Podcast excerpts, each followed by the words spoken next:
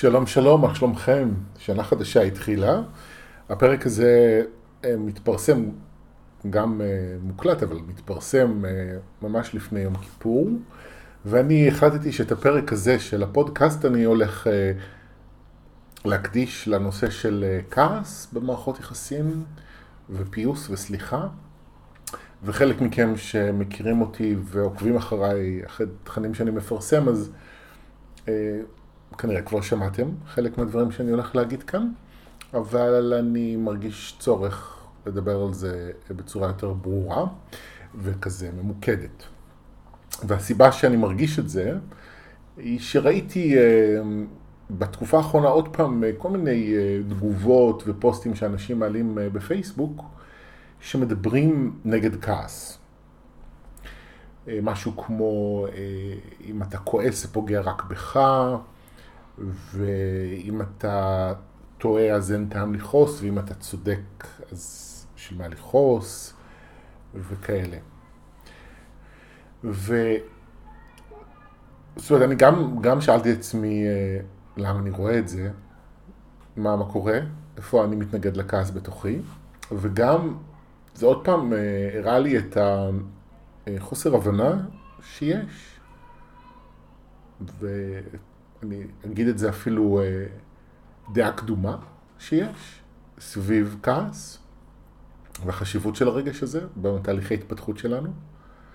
יש איזה מין הילה כזאת סביב הרגש הזה, שזה רגש שלא כדאי להרגיש אותו. אם מרגישים אותו, אז סימן שמשהו אצלי לא בסדר. אה, ויש בעולמות השונים כל מיני הצדקות והסברים לגישה הזו, אז uh, אני נגיד גדלתי על זה שזה לא מכובד, אה, זה לא יפה לכעוס על המבוגרים, ואני גם שמעתי את הכעס עושה התקף לב, צריך להירגע. וברוחניות אני שומע כל מיני דברים, זה רגש נמוך, זה סימן שאני לא מחובר לנשמה שלי, אה, שאני רחוק מעצמי, שזה פוגע בי אם אני כועס. זה הכל, וזה בשבילי הכל חלק מאותה משפחה של דעות קדומות שמבטאות אי הבנה מאוד מאוד מאוד עמוקה שיש בקרבנו ובתוכנו כלפי כעס. אני uh, למדתי כשהייתי בתחילת שנות ה-20 לחיי פרחי באך. תמיד אני צוחק ואומר שזה התחום היחיד שלמדתי בצורה מסודרת, יש לי תעודה, וזה התחום, הדבר כמעט היחיד שלמדתי שאני לא משתמש בו. אבל יש כמה דברים שמלווים אותי מאז הקורס ההוא, ואחד מהם עסק בכעס, ובהבחנה שעשתה המורה שלי אז, שיש אנשים שכועסים פנימה ויש אנשים שכועסים החוצה. עכשיו זה אולי עשוי להישמע מובן מאליו לאנשים שנמצאים במסע התפתחות, אבל להזכירכם אני הייתי אז בן 20 וכלום, ולא הייתה לי הבנה רחבה אה, באיך שהנפש שלנו עובדת, ובשבילי זה היה מאוד חזק. ו... אני משייך את עצמי לקבוצה של אנשים שכועסים פנימה. בגלל שזה לא יפה לכעוס, וזה לא מנומס, וזה לא מכובד, וזה לא מכבד, וכן הלאה, אז לשמור את זה בפנים. בגלל שזה מפחיד, אז לשמור את זה בפנים ולנסות שזה לא יהיה. ואני תמיד אומר שאם אני מסתכל על שתי הקבוצות האלה, אז אנחנו שכועסים פנימה, יש לנו שיר יותר מורכב. כי אנחנו קודם כל צריכים ללמוד להוציא אותו. ואחר כך צריך ללמוד מה עושים איתו. בעוד שאלה שמשתייכים לקבוצה של, שהם קודם כל כועסים החוצה, שלב אחד הם חסכו לעצמם. הם לא מדחיקים את הרגש הזה, אבל שם יש שיעורים אחרים, שיכולים, אה, אה, אני יכול להגדיר אותם כשימוש בכעס. והשימוש הזה הוא אחת הסיבות שאני חושב שבגללן אנשים קשה להם עם כעס. ואני לאט לאט אסביר את עצמי במהלך הפרק הזה. אני בא מבית שבו, כמו שאתם מבינים כבר, למדתי לא לכעוס. וכשהתחלתי ללמוד אצל ורדה המורה שלי, הייתי אז בן 19, ואחד הדברים שהתחלנו לדבר עליהם באיזשהו שלב בדרך זה הכעס ואיך באמת להתייחס אליו. כי הוא נחשב לרגע שלילי. ומה שאני למדתי במהלך הלמידה הזו, ועדיין לומד, זה שכעס הוא בכלל, רגשות בנויים כשכבות. זאת אומרת, כרגע אני מרגיש רגש מסוים, ומתחת לרגש הזה יש משהו אחר יותר עמוק. אם אני מתמסר לרגש ומאפשר לעצמי להרגיש אותו, למצות אותו עד תום, אז אני יכול לעבור לשכבה העמוקה יותר. נוצרת באיזשהו שלב איזושהי אלכימיה ורגש יותר עמוק עולה. דוגמה מאוד פשוטה שאני חושב שרובנו מכירים זה מצבים שבהם אנחנו מאוד מתוחים ועצבניים בגלל איזושהי מחויבות שיש לנו או סיטואציה שאנחנו מתמודדים איתה ואנחנו בהרבה פחד ואז אנחנו נדרכים ונהיים עצבניים ואז קורה איזשהו משהו ופתאום אנחנו מתחילים לבכות. כן? אנחנו פתאום יורדים שכבה, יורדים קומה פנימה לתוך הכאב והבכי מפרק את החלק מהפחד ומהמתח ומהכעס והכאב יוצא החוצה. משהו יכול להירגע. וזה חוויה שקורית להרבה מאיתנו באופן ספונטני, אה, במצבים מסוימים לפחות, אה, והיא מדגימה בדיוק את עניין השכבות. מתחת לכעס יש בדרך כלל פחד, לפעמים יש כאב, אבל מהר מאוד מגיעים לכאב. גם אם יש פחד, מתחת לזה יש כאב, ומתחת לכאב יש שקט. וכשאנשים מזהים כעס, הם רוצים להגיע לשקט שיש בבסיס שלו. והם רוצים להפסיק לכעוס כדי ליצור, להיות בשקט. העניין הוא שהרבה פעמים הגישה הזו היא, איך לומר את זה? אני רגע מחפש את המילים. היא יוצרת אה, מעקף במקום שבו אי אפשר ליצור מעקף. כי אני כרגע כועס, כרגע זה מה שקורה. ויש לנו פחד מזה, שאומר לנו צריך לעשות משהו כדי להפסיק את הכעס. כי כך וכך וכך וכך. ויש כל מיני סיבות שבגללן אנחנו מפחדים מכעס. אנחנו לא אומרים את זה בדרך כלל לעצמנו, שאנחנו מפחדים. אנחנו אומרים הכעס לא בסדר, אבל בעצם אנחנו מפחדים מהכעס שלנו. כי כשאנחנו כועסים, אנחנו אה, אה, לא מסכימים יותר לדברים שהסכמנו עליהם עד אותו רגע. דברים שהיו בסדר, מפסיקים להיות בסדר, כי הם עוברים איזשהו סף מסוים, או כי אנחנו התבגרנו ופתאום קלטנו שאנחנו נמצאים בסיטואציה שזה לא מתאים לנו יותר. והכעס הוא הסימן של השינוי, הוא האש ששורפת את הקיים כדי לפנות מקום לחדש. ואנחנו מפחדים מכעס כי אנחנו משתנים כשאנחנו כועסים. אנחנו מתחילים בעצם בתהליך של שינוי. אנחנו לא בהכרח משתנים בגלל שאנחנו מתערבים. ההתערבות היא הביקורת שיש לנו על הכעס שלנו, היא הדעות שיש לנו על הכעס שלנו שבאות מפחד. אנחנו מפחדים מזה, אנחנו מפחדים מהשינוי, יש לנו כל מיני סיפורים שזה גם לא יעבור וזה יהרוס לי את החיים, וזה נכון במידה מסוימת, זה ישנה אותם, זה לא יהרוס אותם.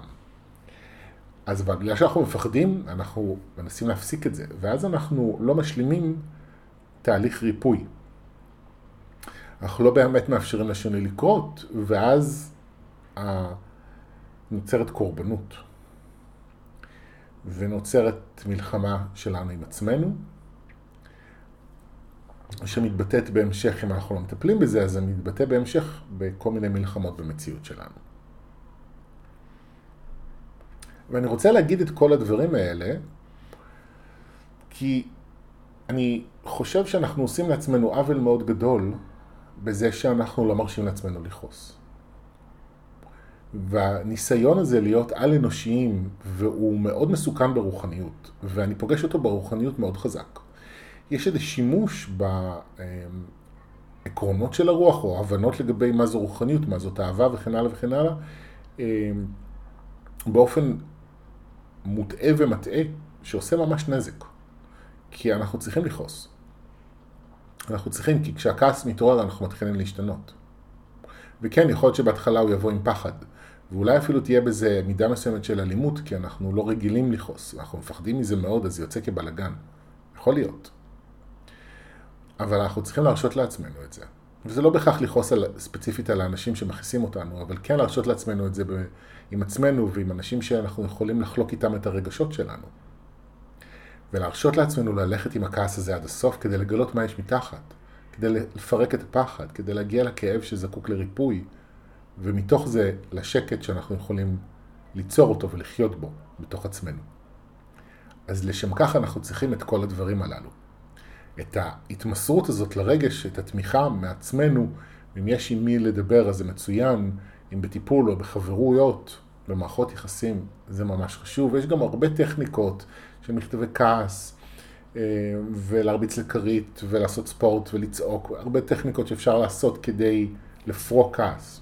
אבל זה מאוד חשוב שנרשה לעצמנו ללכת עם זה.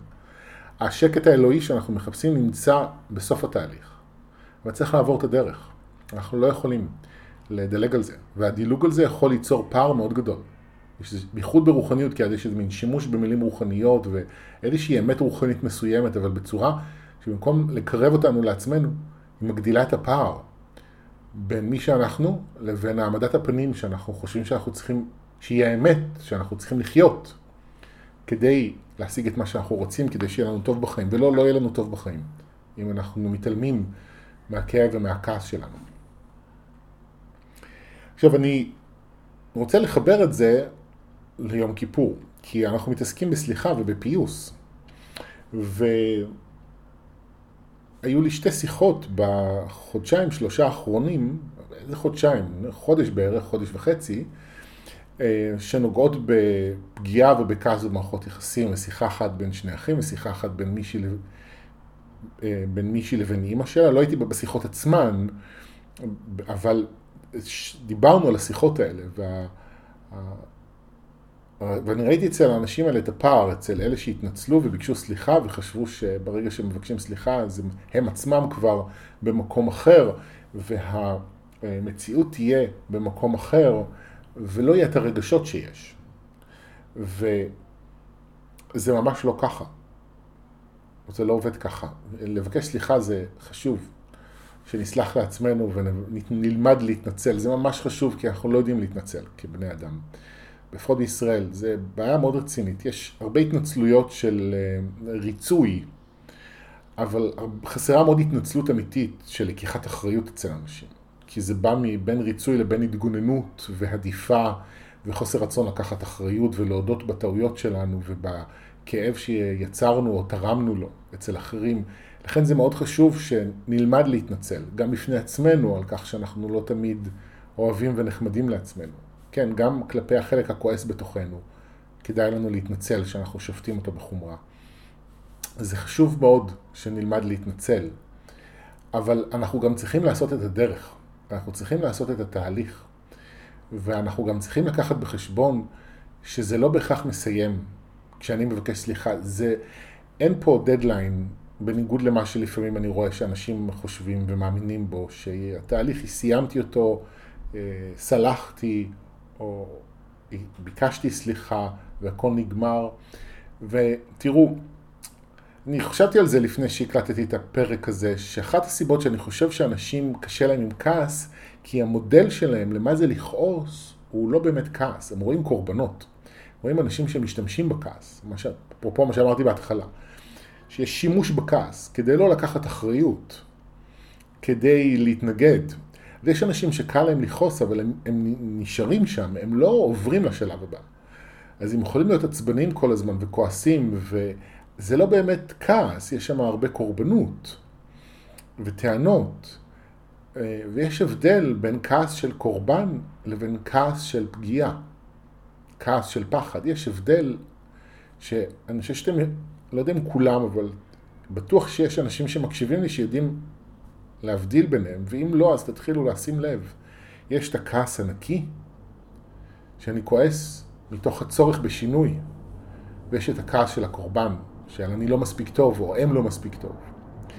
ובמקום הזה אני מבין, זה נכון, יש אה, פשוט אה, אה, הגדרה לא נכונה בעיניי. אה, האנשים ש, שמדברים הרבה פעמים על כעס שהוא לא טוב, מה שמדברים עליו זה קורבנות. זה לא באמת כעס. זה נראה דומה, אבל זה סוגים אחרים של כעס.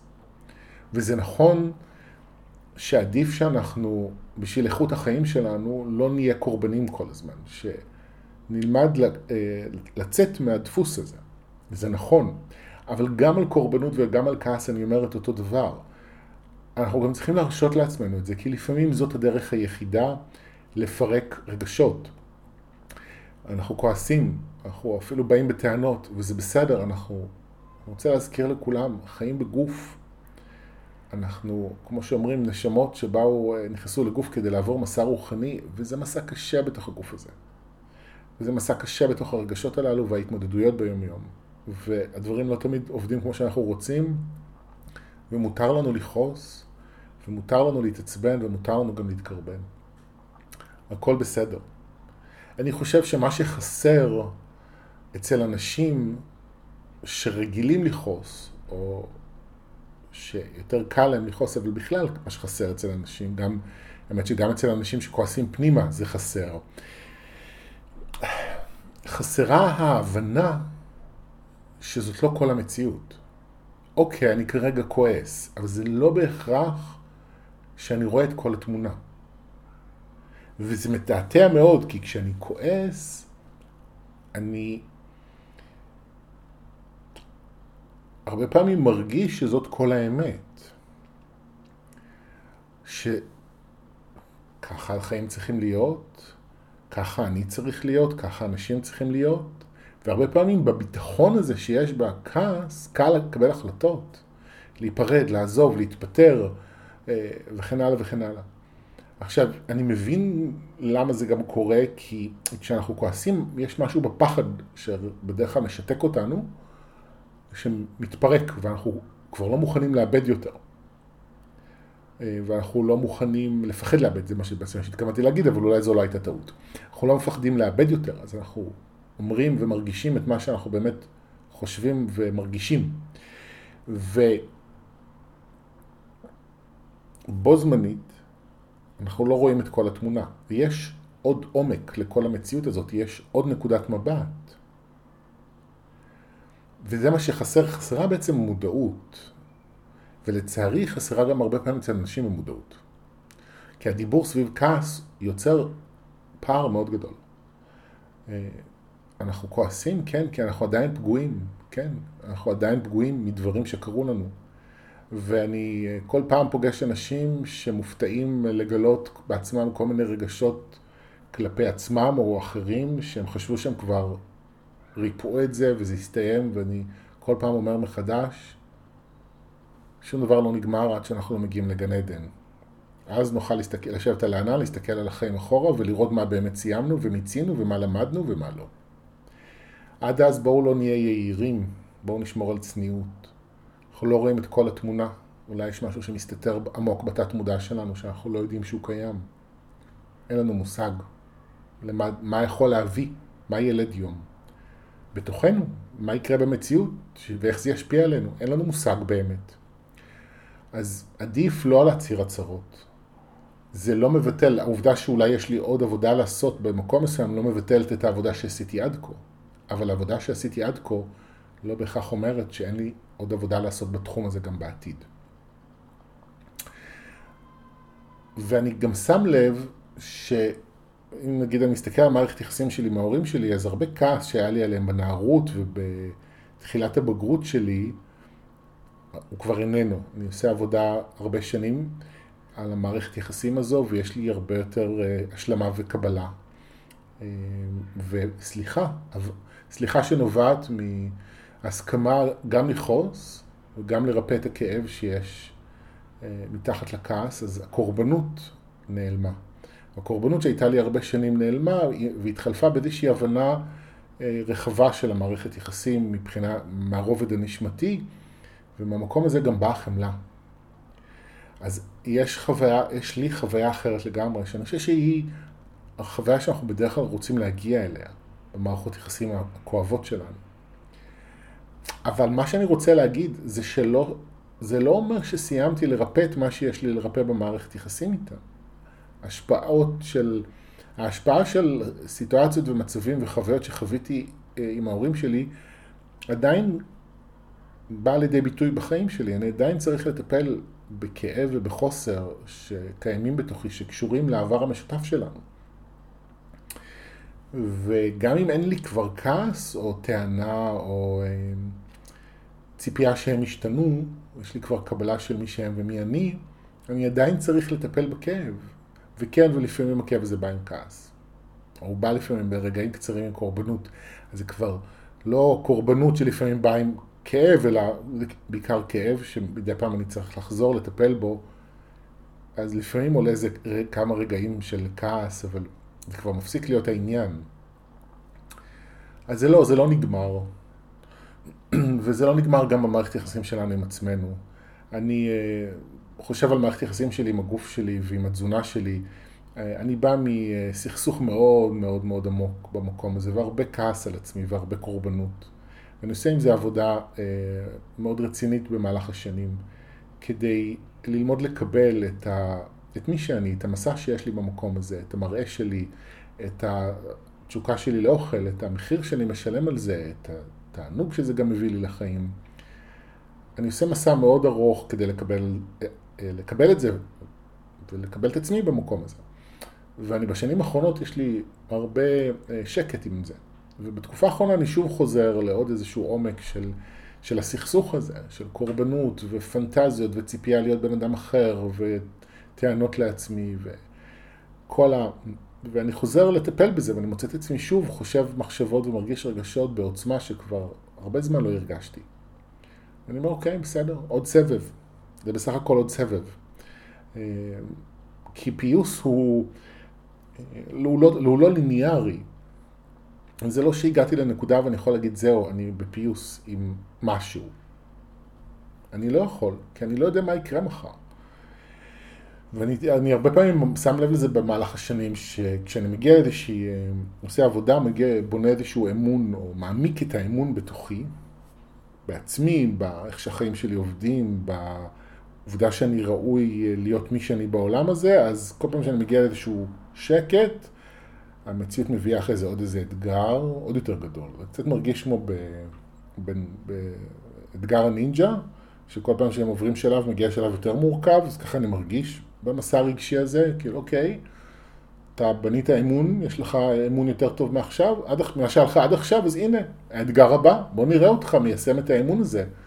או מגלה שלא, שעדיין יש עבודה שצריך לעשות. אז אין, זה לא נגמר, באתגר הנינג'ה זה נגמר אחרי כמה שלבים, אבל המסע שלנו הרי לא נגמר. אז מה אני רוצה להגיד? אני רוצה להגיד שכעס הוא בסדר, והוא יכול להיות אפילו מורה דרך וכלי עזר משמעותי בתהליכי השינוי שאנחנו עוברים. הוא מסמן איפה יש לנו אה, אה, שינוי ליצור, איפה יש מקומות בתוכנו שאנחנו צריכים לרפא, או החלטות שאנחנו צריכים לשנות.